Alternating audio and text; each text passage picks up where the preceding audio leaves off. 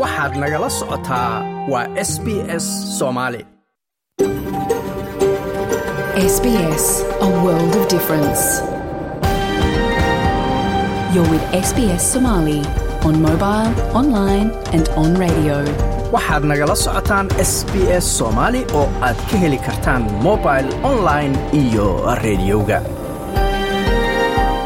habeen wanaagsan akhyaarta hawada nagala socotay ku soo dhowaada barnaamijkeenna caawa oo jamcaha lix iyo tobanka disembar labada kun labaatan iyo labada.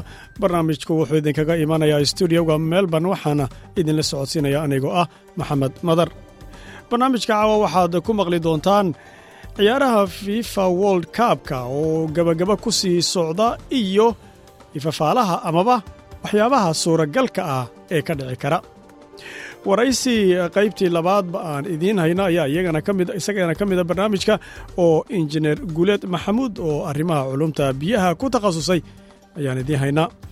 Cali xuseen oo isagu ka tirsanaa ciyaartoydii soomaaliyeed ee berisamaadkii ayaa isagu aan ka waraysannay taariikhda ciyaaraha ee soomaaliya waraysigaasna waan ina haynaa howlgallo lagu qabtay goobo cusub oo markaana ra'iisul wasaare xamse cabdibarre uu booqday hadalna ka jeediyeyna. Barnaamijkeenna ayay ka tirsan tahay oo waa warbixin. Soomaaliya uu wariyaheennu ka soo diray. Haatan akhyaarta hawda nagala xidhiidhay qodobada warka uu durkaroon golaha hoose ee magaalada meribek ee melbourne ayaa isagu soo dhoweeyey siyaasadda cusub ee xafladaha sharci qaadashada ee australia dheyda la qabto.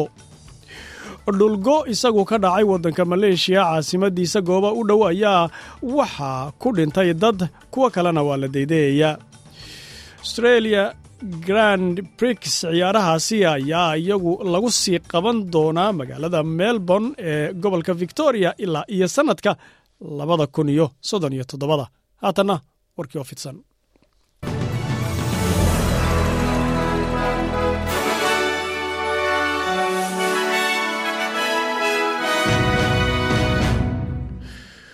wasiirka arrimaha socdaalka ee waddanka australia andrew jels ayaa isagu waxa uu sheegay in uu aad uga xun yahay xubnaha baarlamaanka ee isbahaysiga oo iyagu falcelin ka sameeyeen siyaasadda cusub ee golayaasha maxalliga ah ee australia iyo xafladaha la qabto ee sharci qaadashada oo ay markaana sheegteen in arrintani ay tahay mid ay abuurayso kala qaybin iyo sidoo kaleete iyada oo maalinkaasi xafladda la qabanayana ay culays saarayso ayay dhaheen. Taa ayuu sheegay inuu ka xun yahay. Sannadkan ugu soo socdaa golayaasha maxalliguhu waxa ay dooran karaan in ay qabtaan xafladaha sharci qaadashada ee markii hore australia dheyda lagu aadin jiray inay saddex maalmood ka hor qabtaan australia dheyda amaba saddex maalmood kadib. Go'aankan arrintaasi ayaa waxa uu isagu buriyey siyaasad uu scott morrison soo saaray oo ahayd in looga baahan yahay golayaasha maxalliguhu inay xafladaha sharci qaadashada ku aadiyaan maalinta australia dheyda haddii kale ay hanjabaad saarnayd in aynan maalin kaleba qaban karin arrintan ayaa iyadu waxa ay timid iyada oo golayaashaasi ay soo badanayeen ka soo horjeeda arrintaasi. Rumaysanna in maalinkani ay tahay maalin ay ka xun yihiin dadka australia loogu yimid ee asalka indigeneska oo ay sheegtaan inay tahay maalin iyaga muruga u ah. Master jels ayaa isagu waxa uu s b s u sheegay in ay khalad tahay sheegashada ku saabsan in arrintani ay tahay hurin markaasi xiisado iyo sidoo kaleete khalkhalgelin dabaaldegga maalinta australia dheyda isagoo hadlayana waxa uu yidhi ma aqbalaya buu yidhi arrintaasi waxaana dareemayaa niyad xumo markaasi arrintaasi aan ka qaaday. Dhab ahaantii xubnaha mucaaradka buu yidhi waxa ay arrintaasi u socdeen inay sidaa iyagu ay sameeyaan arrintani waxay ku saabsan tahay aqoonsiga qaabka sharci qaadashada oo ah arrin iyadu asaasi u ah dadka aan nahay ummad ahaan innaga oo dowlad cusuba oo thaqaafada ama dhaqamo kala duwanna leh waxayna ku saabsan tahay aqoonsi la aqoonsanayo in ay waajib tahay qof kastaba in uu dhammaystiro socdaalkiisaasi uu jinsiyadda ku qaadanayo marka uu qaadanayana asxaabtiisu ay la socdaan qoysaskiisu mas'uuliyiinta maxalliga intaba isagoo hadlayana waxa uu yidhi I don't accept that. Um, I'm really disappointed that members of the opposition have in fact sought to do that. This is about recognising that a pathway to citizenship is fundamental to who we are as a modern multicultural nation. Halkaa warkaasi aad kala socotaan waa laanta afka soomaaliga idaacadda s b s. Isla arrintaasi innagoo ku sii jirnaa maalintaasi ee ku saabsan sharciga la qaadanaya ee australia dhayda ayaa golaha meribek city golaha maxalliga oo melbourne ku yaalla waxa ay iyaguna soo dhoweeyeen arrintan la qaaday ee scott morrison mar hore uu ka dhigay qasabka kadib iyada markii waxay dhaheen la tashiyo badan golayaash la tashiyo badan golahu uu la sameeyey dadka deegaanka iyo dadka waddanka loogu yimid ayaa waxa uu u go'aamiyey amaba u codeeyey disembar gudaheeda aynu ku jirno labada kun iyo labaatan iyo labada in la istaajiyo in la qabto xafladaha sharci qaadashada maalinta australia dhayda iyada oo la bilaabay iyada oo la bilaabayo maalintaasi in markaasi baroor diiq loo sameeyo dadka iyagu asliga ee australiyaanka ee waddanka loogu yimid. Magaalada haweeneyda la yidhaahdo anglica bonobols ayaa waxa ay iyadu markaasi u sheegtay s b s arrintani in ay tahay mid wanaaga maadaama waasac qofku uu haysto ama golahu uu haysto wakhti ku filan wakhtiga uu qabtana uu rabo inuu qabtana uu qaban karo iyadoo hadlaysana waxay tidhi fiiri aad ayaan ugu faraxsannahay ayay tidhi in sharciyadda sharcigaasi la bedelay runtiina aad ayaan uga mahad celinaynaa taas marka tani waa dhab ahaantii. Natiijada aan rajaynayna bay tidhi. Ujeeddada ayaa ah bay tidhi in xafladaha dhalash xafladaha sharci qaadashada ay tahay kuwo lagu wado inay tahay dhacdo farxad leh. Waana tallaabo weyn oo muhiim u ah qofka markaasi waana waana dabaaldeg inta dadku ay yimaadeen waddanka ayna doorteen inay australiyaan noqdaan. Haddaba intaasi la qabta bay tidhi. Maalin dadka waddanka loogu yimid u ah maalin dhaawac u ah oo markaana halaag ay soo mareen taasi ma aha bay tidhi. Arrin habboon. Iyadoo hadlaysana waxay tidhi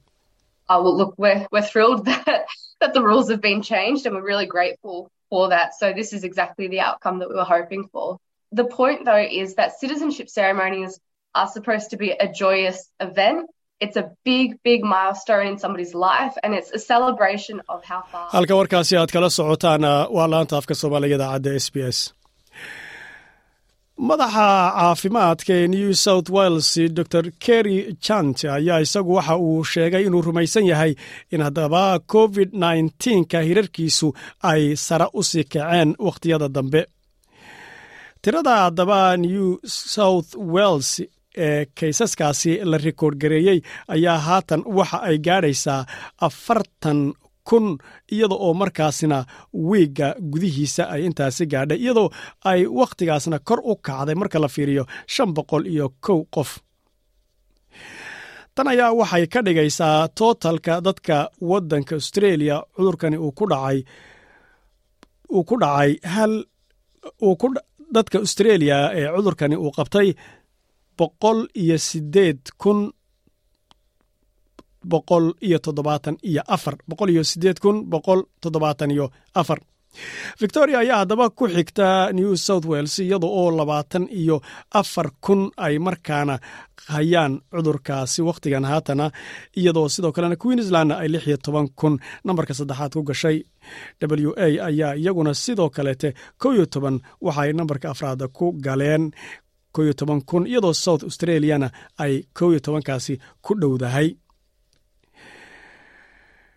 akhyaarta hawda nagala xidhiidhay in wax gaadhaya kow iyo toban milyan australiyaana ayaa iyagu si guud ahaaneed haatan cudurkaasi uu ku dhacay taariikhda. Inta aynu haddaba joognay cudurkaasina uu bilowday. Dhanka maleeshiya ugu yaraan sagaal qof ayaa iyagu meydkooda la helay kadib markii uu dhulgo duleedka caasimadda maleeshiya ka dhacay uu markaasi dhibaatadaasna geystay waxaa weli socda baadhitaan lagu goobayo dad iyagu markaasi shan iyo labaatan qof dhannaa oo aan la haynin dhul go'aasi ayaa isagu ku dhacay meel lagu qiyaasay soddon mitir oo ka sarraysa guri beereley ay deggan yihiin oo dad sagaashan qofa sagaashan qof lagu wado ay ku noolaayeen lixdan ayaa haatan iyagu la helay iyagoo bad qaba. Intii kalena waa la daydayayaa dhinaca kaleete australian grand brix ayaa waxaa haddaba lagu sii qaban doonaa magaalada melbourne ilaa iyo ugu yaraan labada kun iyo soddon iyo toddobada iyadoo markaana la raacayo aan dhahno qandaraasyo kordhin loo kordhiyey oo cusub oo laba sano lagu daray melbourne waxay marti gelin doontaa tartanka haddaba koowaad ee xilli ciyaareedka formula onka ugu yaraana afar sano inta haddaba u dhaxaysa laba kun labaatan iyo saddex iyo laba kun soddon iyo toddoba. Tartanka grand brix la yidhaahdo ayaa haddaba australia sanadkan waxa uu soo jiitay dad aad u fara badan oo gaadhaya afar boqol sagaaliyo toban kun intii lagu jiray dhammaadka haddaba toddobaadka sanadka soo socda ama sanadada soo socda ayaa la filayaa dadkaasi inay intaasi ka sii bataan dhinaca kaleete haddaynu fiirino dhanka ku saabsan hawada iyo cimilada berito oo haddaba sabtia dhanka beth qorax weeye soddon iyo kow heerka kulkuna inuu gaadho ayaa lagu wada adelaid waxaa lagu wadaa in labaatan iyo sideed heerka kulku isku shareero. Melbourne ayaa iyadu xogow daruuraha la filaya labaatan iyo labo heerka kulku inuu isku shareerana la filaya hobat ayaa iyaduna sidoo kaleete roobab laga filayaa toddobiyo toban heerka kulkuna inuu gaadho. Cambera ayaa iyadu qorax noqon doonta labaatan iyo laba heerka kulkuna uu gaadhaya. Sydney ayaa sidoo kale labaatan iyo kow heerka kulkuu gaadhaya. Brisbain ayaa sidoo kaleete roobab laga yaaba in laga fila tixtiixa. Sidoo kale shan iyo labaatan heerka kulkuna uu gaadhaya. Darwin ayaa roobab laga filayaa ayna tahay heerka kulkuna inuu gaadho soddon iyo saddex. Sarifka doolarka maanta halkii doolar australiana marka loo sarifo maraykanka doolarkiisa waxa uu noqonayaa eber dhibic lixdan iyo lix sentis waxaana wanaagsan khiyaarta hawada nagala socotay barnaamijka inagoo bilowgiisa ku jirna waxa ah noo soo socda saan horeyba idinku sheegnay. Waraysi qaybtii labaada oo aan idinka hayno injineer guuleed maxamuud oo culunta biyaha ku takhasusay kana hadlaya arrimaha biyaha iyo xaaladahooda soomaaliya gudaheeda. Cali xuseen oo isagu ciyaartoy soomaaliyeeda oo barisamaadkii ciyaari jiray soomaaliya ayaa waxa uu ka taariikhaynaya sidoo kaleete arrimaha ciyaaraha iyo sboortiga ee waddanka soomaaliya howlgallo lagu qabtay goobo cusub oo ra'iisul wasaaruhuna markaana uu ka qayb galay xamse cabdibarre uuna ka hadlay. Haatan dhakhaartooda nagala xidhiidhay waxaadse ku soo dhowaataan. Ciyaaraha koobka adduunka ee qatar ka socda world kabka ayaa haatan iyagu keliya laba ciyaaroodun ay ka hadheen oo markaana ay faynalkii u soo dhowaaday. Haddaba ifafaalaha iyo waxa dhici kara iyo waxyaabaha suurtagalka ah waxaa inooga faalloonaya waryaheenna zaciimka oo isagu muqdisho warbixintan ka soo diray You're listening to the sounds of the World Cup on SBS Football. From the 21st of November, listen to every match of the FIFA World Cup Qatar 2022 right here on SBS Football. Visit sbs.com.au slash radio for more details. Koobka kubadda cagta dunida ee oo si xiisa badan leh uga soconaya dalka qatar ayaa hadda waxa uu soo gaaray heerkiisii gebagabada finalka iyadoona ay isugu soo hareen labada xul ee argentiin iyo faransiiska oo guulo ka soo kala qaaday karweshiya iyo morocco. Kulankii ugu dambeeyey xulka kubadda cagta ee faransiiska ayaa guulo laba gooli eber waxa uu ka gaaray xulka qaaradda afrika ee morocco ciyaar xiiso badnayd oo la qiray in xulka morocco ay sameeyeen dadaal aad u xoog badan iyo ciyaar wanaag xulka morocco ee qaaradda afrika ayaa la soo gashay garoonka. Dardar aad u xoog badan iyo ciyaar wanaag hase yeeshee afar daqiiqo oo keliya markii ciyaartu socotay waxaana kubad uu ka soo shaqeeyey antonio griezman oo dhexda ugu ciyaara faransiiska gool u bedelay theo hernandes oo meel cidlaha kubadda ka helay.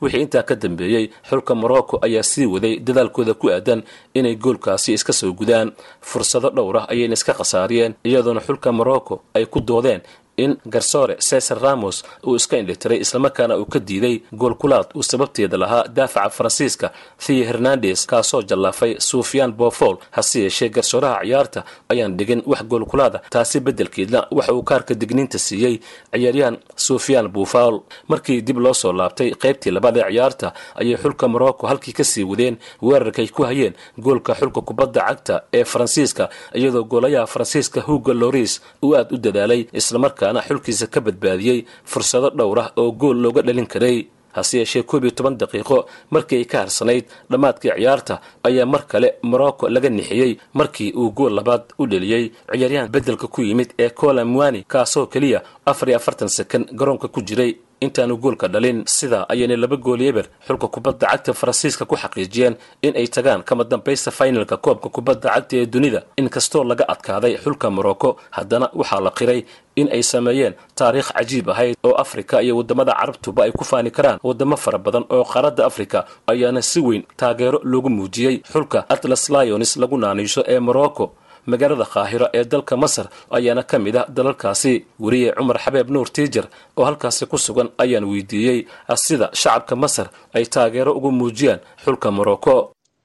Zaciimka runtii magaalada aan ku suganahay qaahire xarunta wadanka masar waxay looga muujiyey taageero aan inaba caadi ahayn qaranka morocco sababtoo ah waa mar wa waa jaamacatul carab waa laiskula jiraa mar waa qaaradda africa laisleeyahay haddana magaalada waxaa u badanba marka laga soo tago maxaan ku irahdaa laga soo tago shucuubta reer masar.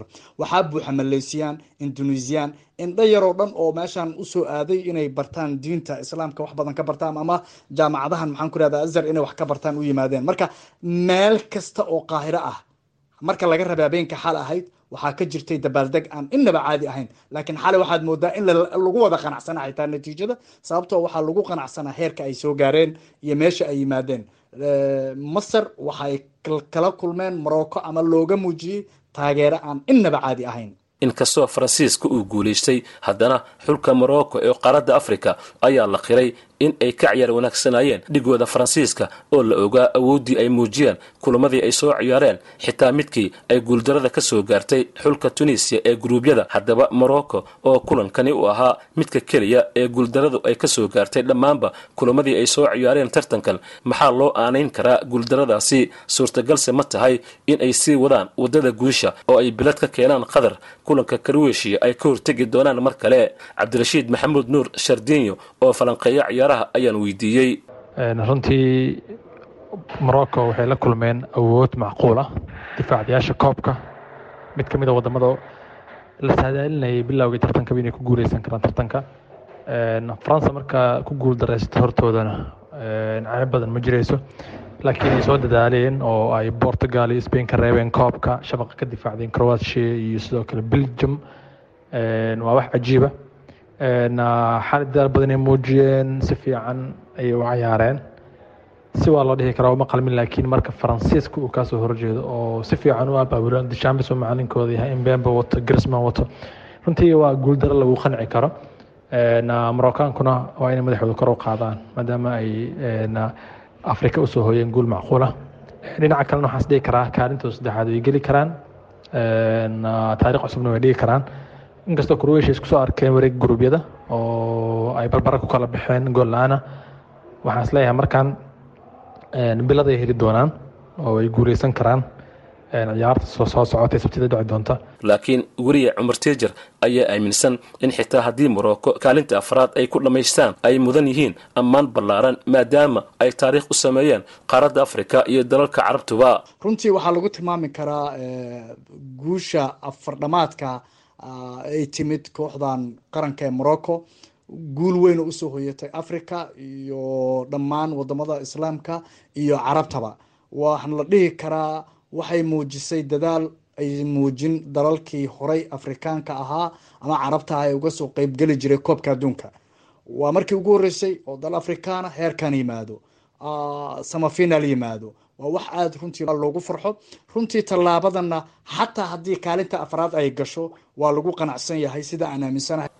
Dhinaca kale xulalka faransiiska iyo argentina oo iminka isugu soo haray kama dambaysta koobka dunida siddeed iyo tobanka bishanna ku dagaalami doona garoonka lusal iconic ee ku yaalla magaalada alqoor waxaana labada xul oo ka kala socda yurub iyo latin america u ciyaara ciyaartooy oo ka kala tirsan kooxaha waaweyn ee qaaradda yurub waxaana ka mid ah xidigaha leonel messi iyo kaylon imbabe oo ku dagaalamaya koob iyo sidoo kale gooldhalinta ay ka wada tirsan yihiin kooxda b s g ee dalka faransiiska ee uu leeyahay maalqabeen u dhashay dalka la joogo ee qatar. Messi ayaa toddoba jeer isagu noqday laacibka dunida ugu wanaagsan kubadda cagta sidoo kale kaylon imbabe ayaa doonaya in uu dunida isu muujiyo inuu yahay xidig abaalmarintaasi ku guulaysan karaa waxaana labadoodu ay isku garbinayaan ku guulaysiga koobta dahabka ee koobka dunida maadaama min shan gool ay soo dhaliyeen kulamadii ay soo ciyaareen. Sidoo kale labada xul ayaa midba midka kale doonaya in uu markii saddexaad ku guulaysto koobka kubadda cagta dunida maadaama min laba jeer ay horey u soo qaadeen. Argentiin waxaa koobkan ugu dambeysay kii halka faransiisku ay doonayaan inay difaacdaan maadaama ay haystaan midkii ugu dambeeyey ee waxaanay faransiisku doonayaan in ay sidoo kale noqdaan xulkii saddexaad ee laba jeer oo xiriira isagu qaada world cupka kadib brazil iyo italy oo sidaan sameeyey horaan. Haddaba maxaa laga filan karaa kulankan kama dambaysta ee la wada sugayo? Yaase ku guulaysan doona koobka. Waa kan najiib aadan najiib oo su'aashaasi aan weydiiyey. Koobka xiisaha badan world cupka wuxuu soo gaaray meeshii ugu adkeed waxaana wada yimid wadamadii loo saadalinayay koobkan in markaa finaalka ay soo gaari doonaan sida faransa oo ah wadanka difaacanaya iyo xulka qaranka dalka argentiin oo misi uu markaan rajeynayo inuu noqdo koobkani. Kiisii ugu dambeeyey uu markaasi uu hanto iyadoo la xasuusto in laga qaaday ciyaartii jarmalka ay wajaheen faransa awood xoog leh ayuu ku socdaa argentiin si la mid ah. Ee dhabtii waxaan is leeyahay ciyaarta waxaa ku guuleysan kara oo koobkaasi qaadi kara xulka qaranka dalka argentiin oo aan is leeyahay waxaa jirta hamuun badan oo koobkan ay u qabaan iyo sidoo kale misi oo markan ay ka go-an tahay in koobkan inuu yahay jaaniskiisii ugu dambeeyey laakiin waxaa natiijada dhanka kale u rogtay oo sheegaysa in faransiiska uu qaadi doono koobkan nasrakiin xaashi nuure oo ciyaaraha ka faaloota siciimka waa mahadsan tahay koobkan wuxuu imaaday meeshii ugu dambeysay oo ugu xiisaha badneed kala reebtadii meeshii lagu go'aamin lahaa cidda haran karta tartanka koobka adduunka. Walow ay soo istaageen laba xuloo khibrad u leh argentiin iyo faransiiska oo min laba jeeroo hore ku soo kala guuleystay. Haddana daneynaya in markii saddexaad ay midkood mid ama mid kasta uu qaado leonel misi aada ugu fiicnaan laheyd tartanka inuu hantiyo si oo koobka keliya u dhiman maadaama uu yahay oo si sharafle wadankiisa uga fariisto. Malaayiin taageerayaal oo wadankiisa ay dunida dacladeeda ayaa sugaya. Walow wadanka faransiiska uu dhadhansanaya tartankan oo kii ugu dambeeyay uu qaadana. Taariikh kale uu rabo inuu dhigo oo noqdo wadankii labaad oo back to back ku qaado world cupka ama laba sano oo xiriira difaacday koobkan. Aniga faransiisa taageersanahay waxaan aaminsanahay in koobkan labaiyo labaatanaad ee sanada labada kun labaiyo labaatanka dhacaya ee koobka adduunka faransiiska uu hanan doono si kastaba labadan xul faransiiska iyo argentiin oo ka mid ah xulalka waaweyn ee dunida ayaa min hal kulan laga soo adkaaday kulamadii gruubka ay ciyaareen. Sida oo ay tahayna waxay ku dagaalami doonaan ciddii ku guulaysan lahayd koobka kubadda cagta laba kun iyo labaiyo labaatan ee dalka qatar yaalla akhyaarta awada nagala xidhiidhaay intaasna waxaa noogu dhan barnaamijkii sboortiga ciyaaraha world cupka iyo ifafaalahoodii waxaana wanaagsan akhyaarta hawada nagala xidhiidhay barnaamijkeena inagoo dhexda kaga jirna haatanna waxa aad dhegaysan doontaan oo noo soo socda cali xuseen oo isagu ka tirsanaa ciyaartoydii soomaaliyeed ee wakhtiyadii horeete ayaa isagu aan ka wareysanay taariikhda ciyaaraha waddanka soomaaliya.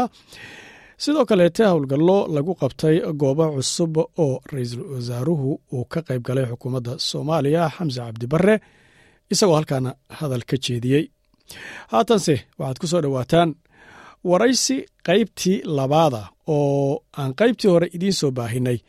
Haatanna aan idinka hayno injineer guuleed maxamuud oo isagu culumta biyaha ku takhasusay ayaa waxa uu ka faalloonayaa arrimaha biyaha iyo ceelasha qodaalkooda iyo waxyaabaha maaragtay mar walba ka suurtagalka ah.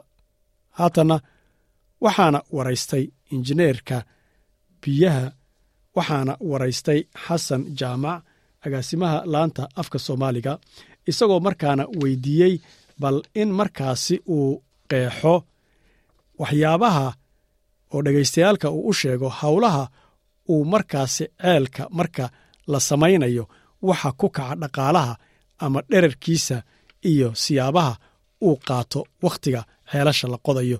Su'aashaasi ayuu ku bilaabay dhegeysi wacan nidaamka dowladeenu maadaama xoogaa uu liitay soddonkii sano u dambeysay mararka qaarkood dadka qurbi joogta ahaa laga yaabaa inay buuxiyaan wixii dowladdu qaban lahayd hadday noqoto waxbarasho ama caafimaad.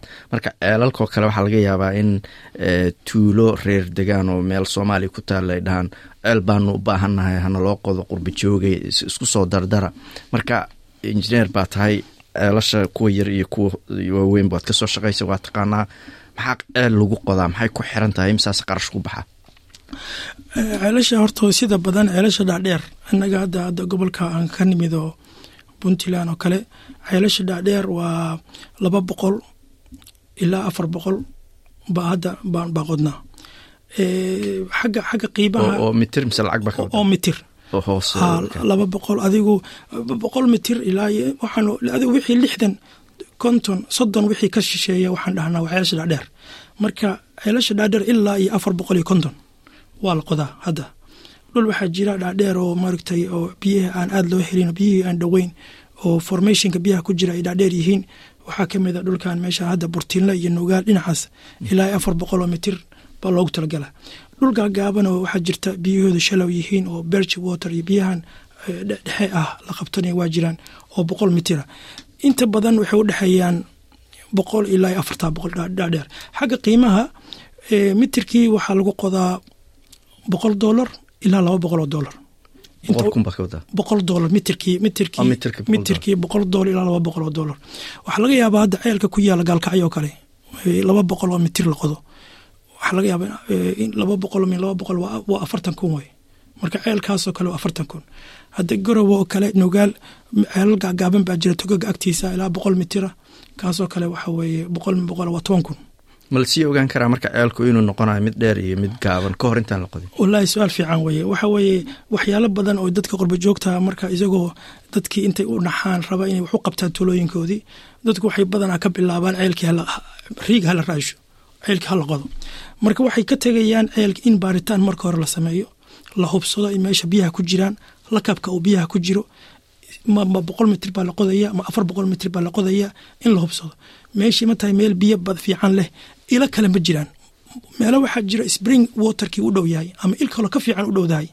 Ama roob badan da'a oo haddii xataa roobkaasi barkad loo sameeyo biyo badan ay geli lahayn reservir loo sameeyo. Marka resourceskee ku fiican ma ceel baa ku fiican ma spring baa ku fiican. In biyuhu intee marayaan lakabka ay ku jiraan waa intee ma badan yihiin ma yar yihiin baaritaankii inta badan lama sameeyo baaritaankaas laftigiisu marka cilmi iyo qarashna waa baahan yahay. Cilmi iyo qarash waa u baahan yahay isagu ma qarash badna saacadaha jirta aan ku shaqayno. Saacadahaas iyo ceelka la qodin baa lagu baaraa. Marka laakiin saacadda laftirkeeda waa iska konton boqolkii waxay ku xiran tahay inta kale waa injineerka aragnimadiisa isu uu wax u fasiro. Taas horta waa daruuri in la sameeyo. Waxaa kaloo daruuri ah maanta nin walba ceel buu riig buu soo gatay. Laakiin aqoon aqoontii ma jirto marka inay kala doortaan riigga ninka ninka wada iyo dadka wada ceelka ee riigga wada ee ku shaqaynaya inay dad cilmi leh u yihiin. Ceelal badan baa la qoday oo is leedahay laba sidaa marka sheegayo konton sano wey ceelka noloshiisu marka ceelkiibaa markii la dhamaystay laga yaaba laba sano gudahood inuu dumo. Markii la qodayay bay wax ka halaabayn ka halaysnaayeen. Marka nimanka wax loo dhiibanayana iyo riigga wax qodayana aqoontoodana waa muhiim weye waa garta marka adigoo kale hadda oo injineer oo bartay oo jaamacada uga baxay intaasna ka soo shaqeynaya. Haddaad maanta shirkad gaara samaysatid dadku ma kuu yeeran lahaayeen ceelalka noo dayactir ma ku dhihi lahaayeen kuwa cusub noo qodo ma ku dhihi lahaayeen. Mise dadku mar walba dadka cadaankaha iyo hay'adahaas unbaa la fiiriyaayo aad bay ugu tiirsan yihiin wax un gacanta loo geliyo oo dibad ka yimaada. May wallaahi dadka businesska ah oo qurbajo dadka dadka wadanka businesska ah ee riigag soo gatay ee ishawlay runtii aqoon badanba oo practical yeesheen. Haddii mararkii hore ceelal badan ceelashii la soo siiyey projecte lagu soo siiyey hadday khasaarinayeen konton boqolkii maanta waxaa laga yaabaa atleast in ceelku dhammaystirmayo biyana laga helayo laakiin waxaan is leeyahay weli maynaan gaarin developmentigii loogu talagalay ceelka rasmiga ah iyo qalabeyntiisii oo kaamila weli maynaan gaarin halkaas. Marka waxaan is leeyahay injineerada iyada dad badan oo cilmiga leh baa jira oo ku shaqeeya laakiin wadankii waxaan saamaxayn injineeradiina wadanka kama shaqaynayaan oo dowladdii uma shaqeeyaan. Sidoodaba dadka experiencega badan leh. Ama ama hadday shaqeeyaanna qalab baysan haysan ay ceelkii sidii loogu talagalay ay ku soo barteen ay ku dhammaystiri lahaayeen. Marka waxa horta ugu muhiimsan haystaa waa qalab la'aanta way. Taas waxaan ku lahaa dowladda iyadu waxaa laga yaabaa inay keensato riig casriya hadda riigaga wadanka yaalla waa kaanaan dhahno juglaha dhahno oo ma ogtahay aan lagu garaaco dhulka oo kun sano ka hor ay chineskii ay samayn jireen ku shaqaysan jireen. Laakiin riigaga casriga ah ee labada maalmood ku qodaya ee hydroliga dowladda way soo gadan kartaa. Marka dowladdu hadday haysan lahayd iyadii injineerada soomaaliyeed oo aqoon u lahayna ay lacag siina ku shaqayn lahaayeen waa ceelal fiican baa la qodan lahaa. Iyo kuwaan sheega dayactirka oo kale way dayactiri lahaayeen. Marka mar labaadna waa ku celin lahaa ceelasha cusub dayactirka ka muhiimsan. Waa gartay riigagaas marka qaaliga ah hydroliga ah oo nooca cusuba qiimahooda waa imsaa tire wallaahi inta waa kala duwan yihiin milyan laba milyan saddex milyan waa waa aad bay qaali u yihiin. Ceelka markuu cusub yahay waa qaali way laakiin waxaa kaloo jirta oo hadda wadamadan dariskaan nahaye sida carabta oo kale. Mar baan carabta ka soo shaqayn jiray marka municipalitiga hadda abudabay oo kale baan marka shaqaynay. Municipalitiga waxaa yaalla riigag unit ay dhahaanoo waxay wataan wixii qalab ah oo dhan bay wataan. Gaarigii booyada riigii wax qodaayey wixii bay wataan. Marka unityadaasoo dhan oo meeshii wada yaalo muddo badan intay ku shaqaysteen kadibna iska dhigay meel. Oo weliba qaarkood aad u fiican yihiin. Marka waxaan oran lahaa intii wax badan baynu waddamada cilaaqaad la sameynay oo wax ka raadsanay in dowladdu ay ka raadsato inay unit siiyaan ama iyadoo cusubna hala siiyo ama hala siiyo maaragta iyagoo duuga u malayn maayo hay'adahan u shaqayno inay moogta waxtarka noocaas oo kalea wadanka keenayan ma umalayna unit dhan oo wadanku ka kaaftoomo inuu ceel dambeba ceel dambe dad warsado. Laakiin hay'adaha dadkan muslimiinta ee dariska nahay mar horaan runtii arrimahaas ka wada hadli jirnay naga dhalinyarada injineerada. Haddii dowladda wadda puntland oo kale ay cilaaqaad la leedahay dowladaha carabta kale ay warsato unit dhan oo kaamila oo weliba casriya haddaanaa leh second hani isagoo xataa cusub waxaan is leeyahay ceelasha baalka gaarigaas oo kale ceelkii laba maalmood ku qodo isbuucuu ku dhameeyo ceel ku dhamaystiro intee ceel qodi lahaa haddii loo baahdo? Waxaa kaaga daran xataa intiibu dayactiri kara loo adeegsan kara dayactir loo adeegsan kara marka qalab kaamila haddii la warsado waxaan is leeyahay siyaasadda wataan lahaa istraatiijiyageena inaan ku noqono way. Marka haddii marka la qalabeeyo hay'adaada biyaha oo qalabka noocaas loo keeno ku xirnaanshaha hay'adaha yaraanaya waa gartay marka maadaama hadda adigu injineernimo iyo hawshii si gacan ahaad uga shaqaysad haddii dhanka kale aad istaagi lahayd oo maanta ama wasiir lagaa dhigi lahaa ama hay'ad lagu dhiibi lahaa biyaha maxaad kula talin lahayd dowladaha gobollada ama kuwa federaalka inay qabtaan? Markay noqoto siday ula xaalayaan hay'adaha iyo siday ula xaalayaan guud ahaan shacabka iyo si looga hortago abaarahan baahan oo soo noqnoqdo in dadka iyo xoolaha aysan biyolaan u leyn walaal aad baa umahadsan tahay. Wallahi waa su'aal waa wanaagsan waxaan ku talin lahaa hadda gaar ahaan maamulkeena puntland oo kale in hay'adeena biyaha xoog badan la saaro maaragtay shaqaalaha iyo mushaaradooda iyo wuxuuna la hagaajiyo dad cilmi leh oo meel hay'adaha u shaqayn jira oo labaatan sana soddon shaqayn jira oo kale la soo jiito oo soomaali soomaaliya maanta meel walbay joogaan cilmi badanna waa leeyihiin waxaan kaloo aan ku talin lahaa in qalabyada aan sheegayo kale waddamada dariska oo fiican oo ama aan soo gadanno ama wadamo kale laga keenay in qalabadaas wadankii la keeno. Haddii aad qalabkii hesho cilmigii hesho dadkiina la dhiirogeliyo waxaan kaloo aan ku dari lahaa intaas in anagu istraatiijiyada aan leenahayna lagu daro sida tusaale ahaan hay'adaha in la xakameeyo. Sidii meesha tusaalihii aan soo qaadanay suudaan oo kale hay'adda biyaha inay iyadu ay tahay hay'adda ay hoos yimaadaan hay'aduhu oo haddii ay wax khalada ay ku arkaan ay joojin karaan. Hay'adihii haddaan la xakamayn hadda tusaalahaan ku soo qaata waxaa weeye suudaan oo kale markaan project ka wadno projectigaasi wuxuu faa'iido u yahay dadka waayo waxay ka timid dowladdii ka timid. Haddii aan hareer marno waxa anagu jeclaanay aan la tagnaan na yeeli maayaan. Marka sidaasoo kale aan la jeclaan lahaa in anaguna aan sidaa u xakamayno hay'adii. Marka haddii hay'adayada biyaha oo kale awoodda noocaas la siin lahaa dhaqaaleeda la hagaajin lahaa qalabka u baahnaan loo keeni lahaa shaqaaleha u baahneen la siin lahaa xoriyad la siin lahaa waxaan aaminsanahay in ceelashan hadda naga halaaba ee aan dhahay laba meelood laba meelood baa halaysan meel baa fiican. Markiiba in inta laga bixi lahayo sida badanna hadda meel walba ceel baa ka qodan. Laakiin waxyaalaha aan diiday waxa weye tuulad waxaa arkaysa saddex ceel ka qodan tahay ama afar ceel oo laba shaqaynayn kii ugu dambeeyena hadda ka halaysan yahay. Marka waxa waxaa laga yaabaa saddexduba inaysan wax weyn qabin. Marka waxaan is leeyahay haddii cilmiga siyaasaddaas istraatijiga haddaan samayn lahayn hay'adda iyadaas waxay la tahay ugu yaraan boynti walba oo dadkan xoolo dhaqatada. Meel kasta u dhow biyay ka heli lahayn oo socodkii dheeraa iyo booyadihi isticmaalaya o dhan baa ka bixi lahaa meesha roobka xagga roobka waa qadar eebawey waxa laga yaabaa meelo gaargaara inuu roobka markaa do-o laakiin haddii meel walba ceelal leeyahay oo sources uu jiro socodkii baa yaraan lahaa. Waa garta marka ugu dambeynta shacabka laftigooda dadka ceelashaas leh ama shacabka guud maxaad isdhihi lahayd way u baahan yihiin inay saxaan. Matalan qofka ceel kale ma laga yaabaa inuu hadduu dee biyihii gadaya inuu lacagta uu ku gado qaarkeed dhigto dayactirkii ugu talagalo uuba ka maarma markaas haddii ceelkuu halaaba inuu isagu samaysan karo. sax waa sax weeye. Horta marka koowaad waxaa loo baahan yahay shacabka qofka ceelka. Inta badanna ceelasha hay'adaha qoday. Hadda hadday soo bateen ceediya brifatka soo bateen oo beeraha iyo laakiin ceelashii waagii hore istraatiijiga ee xoolaha ku tiirsan yihiin oo tuulo walba ceelashooda hay'adaha qoday shicib baana gacanta ku haya waxaa is leeyahay haddii ay sidii loogu talagalay dowladda ugu talagashay canshuurta haddana dowladda uma hadli karo umana shaqeeyo laakiin canshuurihii loogu talagalay hadday dib dowladda ugu celiyaan sida aad sheegtay haddii ay ceelkii lacag u dhigaan oo dayactira inta badan bamka biyaha anaga inta badan bam baa gubtay leeyihiin. Bamka sidiisa waxaa laga yaabaa qiimigiisa inuu kun doolar yahay. Bam kun doolara oo isagoo meel u dhigi karo oo noloshiisu labaatan sano ay tahay bamka electrkiisa oo laga yaabo shantii sano ama saddex anaga farsamadeena xuno korontada si ugu baaxuna waxaa laga yaaba laba sano ugu jira. Bamkaas isagaa soo gadan kara. Halka ay intay damiyaan ceelkii dadkay oranayaan biyo ma jirto oy markaa meel kale ka doonanayaan oo haadihii rabaa inay tusaan inuu ceelkii u dansan yahay oo dhibaato jirto oo laga yaaba saddex isbuuc ama bil ama laba bilood ceelkaa uu dansan yahay. Waxa uu dansan yahay ay tahay bam yar loo soo gado isagu soo gadan karo marka inay iyagiina ku talagalaan inay ceelkooda hagaajistaan ceelkiina iyagu leeyihiin dowladda ay kaalmeeyaan oo waxyaalihii hadda oo kale wixii iyaga laga rabay ay bixiyaan. Waxaan is leeyahay shacabka doorkooda taas weeye. Iyaga laftirkooda hadday arkaan hay'addii inaysan wax fiican qabanayn ceel baa loo soo diraa ceelkii baa lagu hongoobayaa. Waxaa laga yaabaa inuu ninkii qandaraaslaha been sheego yiraahdo ceelkii biyuu leeyahy shicibkii waxaa laga rabaa tuulada inay yirahdaan ceelkan biyo ma leh waa la khasaaray. Isagaa naga khasaaray. Meel kalena looga qodo.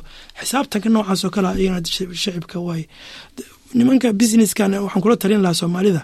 Hor soomaalida waxaan ku fiicannahay businesskin waa ku fiicannahay. Dadka waa ku dayanaa qalabkii meelaha kale cilmiga waa ka soo bowsanaa waa isku daynaa geesnimo badan baa jirta.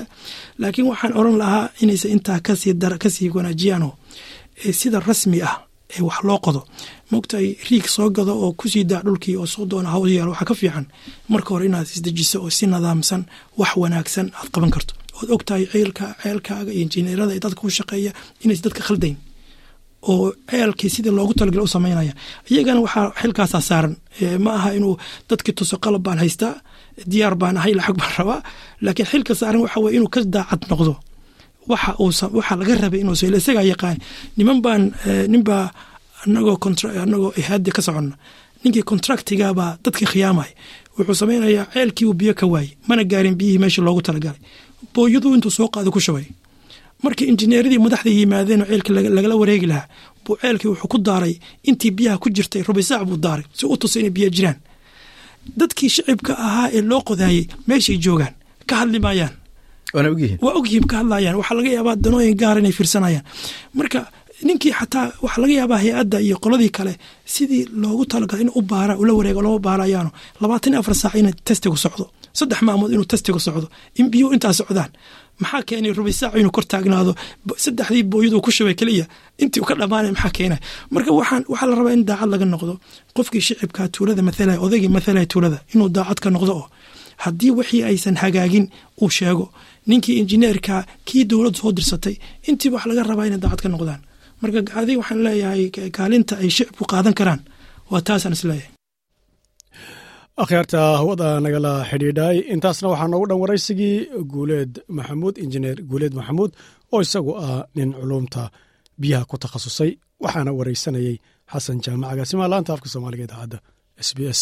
Waxaana wanaagsan akhyaarta na dhegaysanaysay haatan waxa aan ku sisiqaynaa gabagabada barnaamijkeenna iyadoo uu noo soo socdo barnaamij howlgallo iyo goobo la qabsaday oo xukuumadda soomaaliya andhano ay howlgallihii ay hogaaminaysay ee qorshaysnaa ee socday meelo lagu qabsaday oo ra'iisul wasaaruhuna uu ka qayb galay kana hadlay. Haatanse waxaad ku soo dhowaataan cali xuseen oo ah ciyaartoy isagu ka dheeli jiray soomaaliya berisamaadkii oo u saftay heerka koowaad ayaa waxa maanta aan ka waraysanay oo isagoo meelban ugula sugan ciyaarihii waddanka soomaaliya iyo isboortiga meesha soomaaliya ay kaga jirta iyo taariikhdeeda. Marka ugu horreysa waxaan haddaba weydiiyey waxyaabaha haddaba dadku ay tahay inay ogaadaan isboortiga.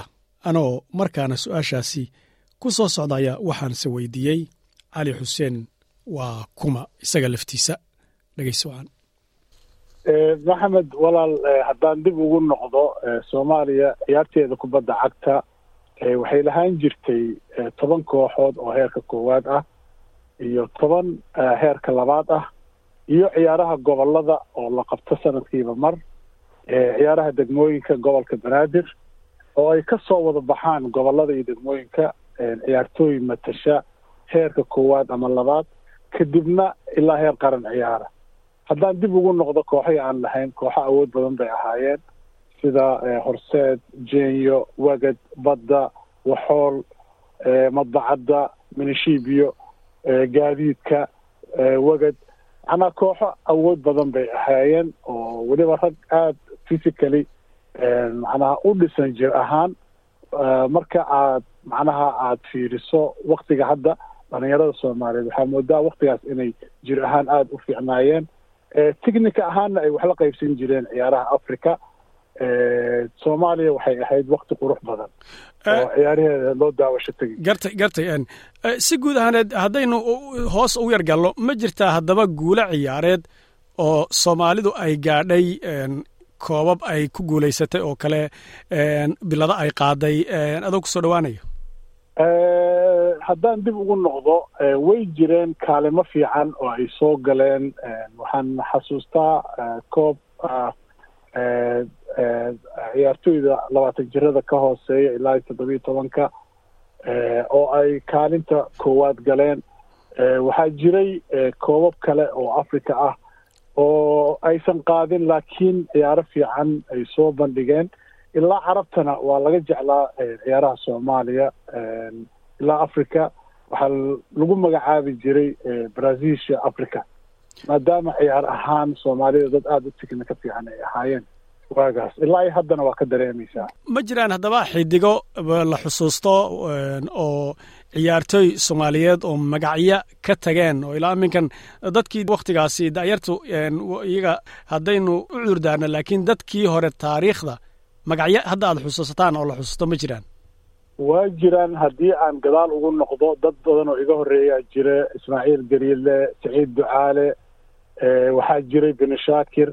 Haddaan gadaal waktigii dhexe u soo noqdo waxaa jiray muridi waxaa jiray kalifrico waxaa jiray nuur maxamed amiin. Ninka hadda ciyaaraha da'yarta macalinka u soo qaaday oo waktigeygii ahaa waxaa jiray ciyaartooy aanan af hadda soo koobi karin oo hal hal haddaan u tiriyo ilaa boqolaalo dhaafaya oo position walba macnaha hadday noqon lahayd afka hore dhexda iyo difaaca intaba. Iyo xasan sheekh aweys georgia nin la oran jiray oo ahaa bortieriga ama goolkiibarka ugu fiican africa ilaa carabtana laga soo dalbaday.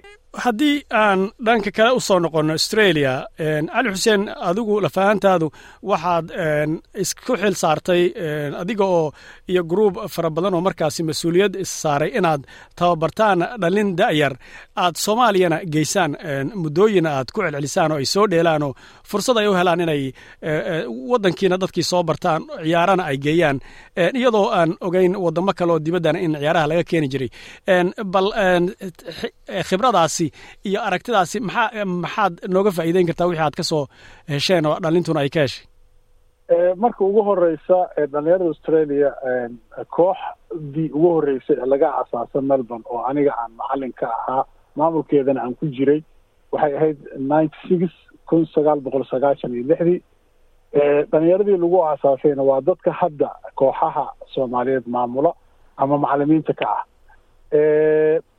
waxaan ku faani karnaa haddaan reer australia nahay in aan noqonay tiimkii ugu horreeyey ee qurbo ka imaada dhalinyaro ah oo isa soo abaabula waddanka gudihiisana taga ciyaaro isdhexgala ka soo sameeya waxay ahayd laba kun iyo lix iyo tobankii markii ugu horreysa aan tagnay. Iyadoo dhalinyarada ay ka soo faa'iideen dhaqanka diinta iyo hab macnaha maaragtay dhaqanka dhalinyarada ku nool soomaaliya gudaheeda. Iyagoo matalaya soomaali australia ku dhalatay tusay inay weli soomaalinimadii jecel yihiin. Waxyaabaha kaloo laga faa'iiday waxay ahayd maamulkii maaragtay qabanqaabiyey xuseen xarakow iyo cabdicasiis iyo axmed coonka iyo raggii qabanqaabiyey. Waxyaabaha fursadda ay soo kordhiyeen waxaa ka mid ahaa inay dhalinyarada iyo gabdhaha weliba gabdhahana raacay markii dambe labadii sanoo dambe inay intay fundraising sameeyaan dhaqaalo ururiyaan ay indhafiiqid iyo dadka dumarka fidsula isku furma iyo macnaha tabarucaad meel walba ay ku ciyaarayaan inay indhafiiqida ka sameeyaan. Waana wax aada loogu farxay hadday shacab iyo dowlad ahaan lahaydba dhalinyarada australiana aad baan broud ugu ahay maadaama ay ahaayeen dad xilkas ah gartay gartay isla isla dhalinyarada haddaynu dhan kale ka fiirino ciyaaraha world kaabka koobka adduunka haatan qatar ka socda labada kun iyo labaatan iyo labada gabagabadana ku sii siqaya. Waxaad arkaysay kooxo fara badan oo ay dad wadamadooda u dhashay laakiin dibadaha ku dhashay oo qurba jooga ay xidigo u noqdeen oo ay ka mid ahayd xulka qaranka ee morocco oo iyagu haatan semifinalka haatan ciyaaray inay xulalkaasi dad iyagu ku dhashay dibadda ama ku barbaaray tignika wanaagsan ciyaaro fiican ay la tageen oo dadkoodiina iyo xulal badan oo kaleon soo dhowaanin oo africa iyo weliba wadamo kaleba. Maxaa rajada la qaba maxay tahay haddaba soomaaliya? In heerkaa ay gaadho oo dadka dibadda jooga ay ka faaidaysato soomaaliya. Maxamedow aad baa u mahadsan tahay haddaan arrintaa kaaga jawaabo waa wax hadda modern footballka ama ciyaaraha casriga ah ciyaartooyda inta badan waxaa dhaqaale ahaan ay ka ciyaaraan waddamada westernka. Ama iyagoo yar la geeyaa ama ku dhashaba. Mana helaan janis waddanka ay ku nool yihiin inay matalaan. Waa horta midaas midda keentay inay waddamada ay ay ama waalidkood ka soo jeeda ay matalaan. Sida morocco sida senegal sida tunisia sida cameroon. Macnaha way badan yihiin sanadkana waxaad moodaaba in macnaha ciyaartooydii dibadda ka ciyaaraya ay wax badan ku soo kordhiyeen wadamadii africa iyo oo weliba africa u badan.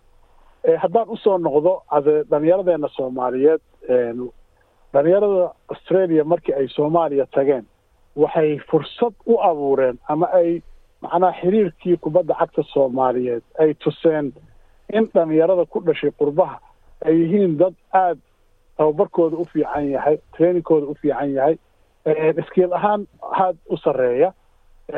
Anigana aan macnaha ka macalin ahaan aan dadkii maamulka xiriirka iyo macalimiinta aan intooda badan ismaqaana fikir ah ayaa waxaan u geeyey in laga faa'iidaysto soomaalida ku dhalatay qurbaha ee ciyaara.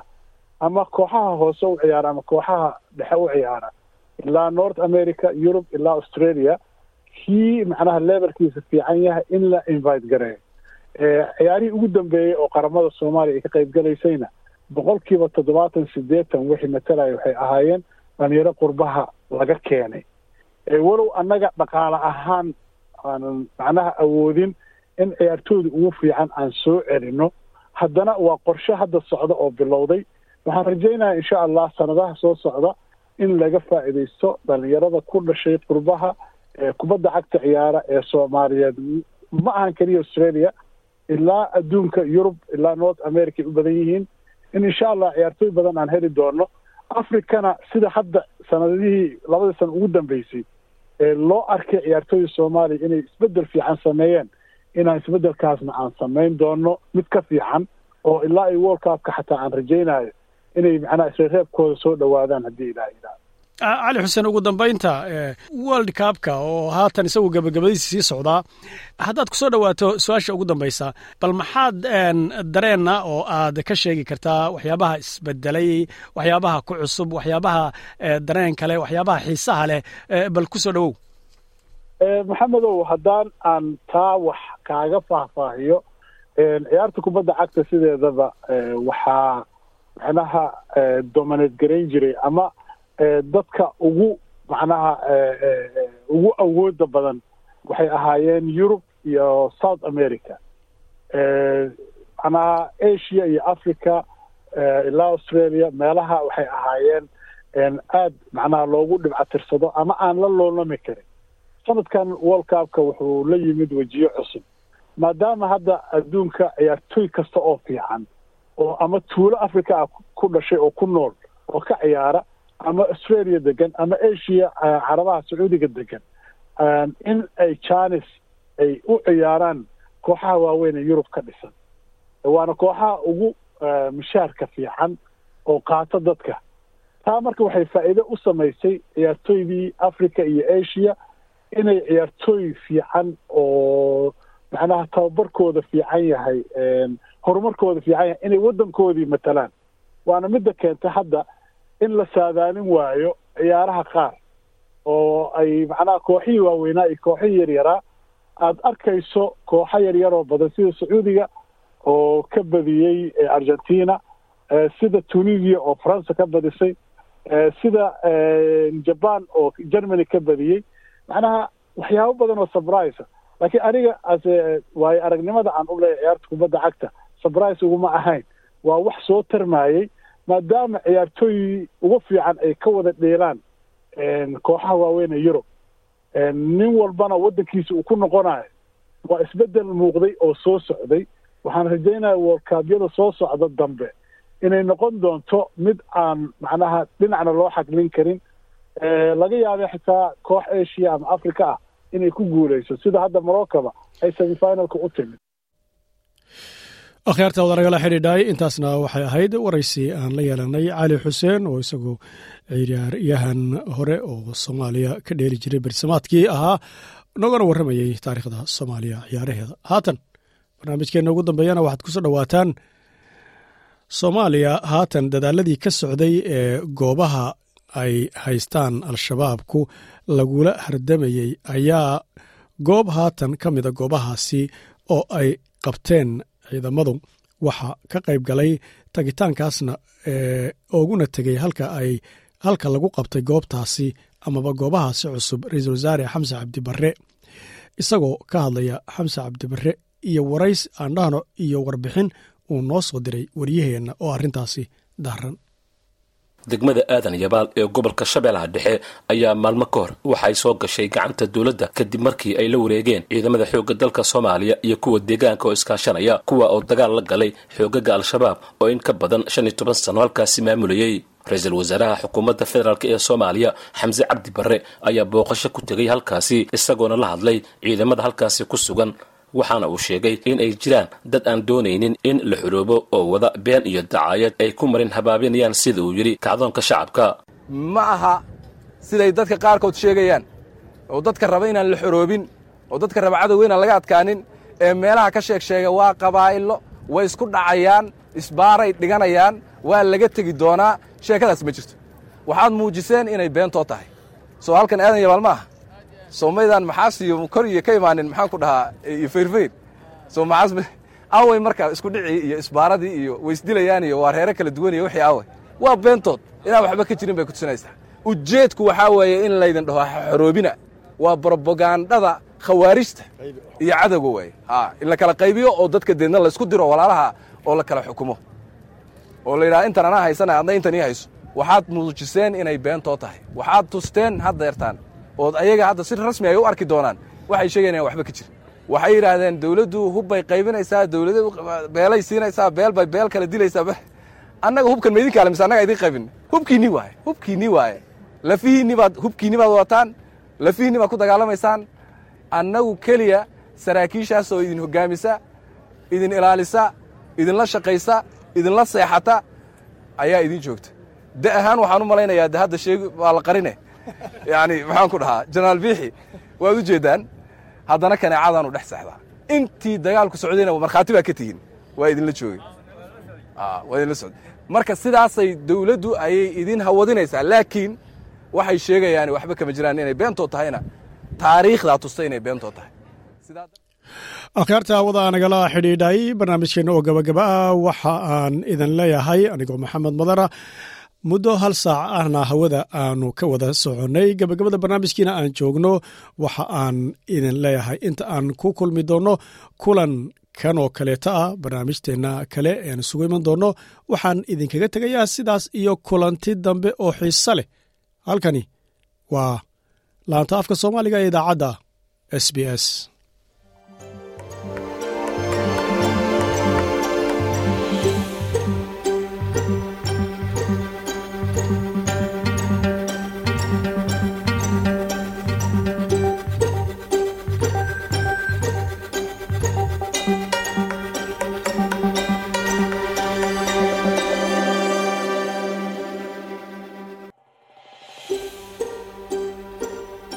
ma doonaysaa sheekooyinkan oo kale ka dhegayso apple podcast google podcast spotify ama meel kasta oo aad bodkastigaaga ka hesho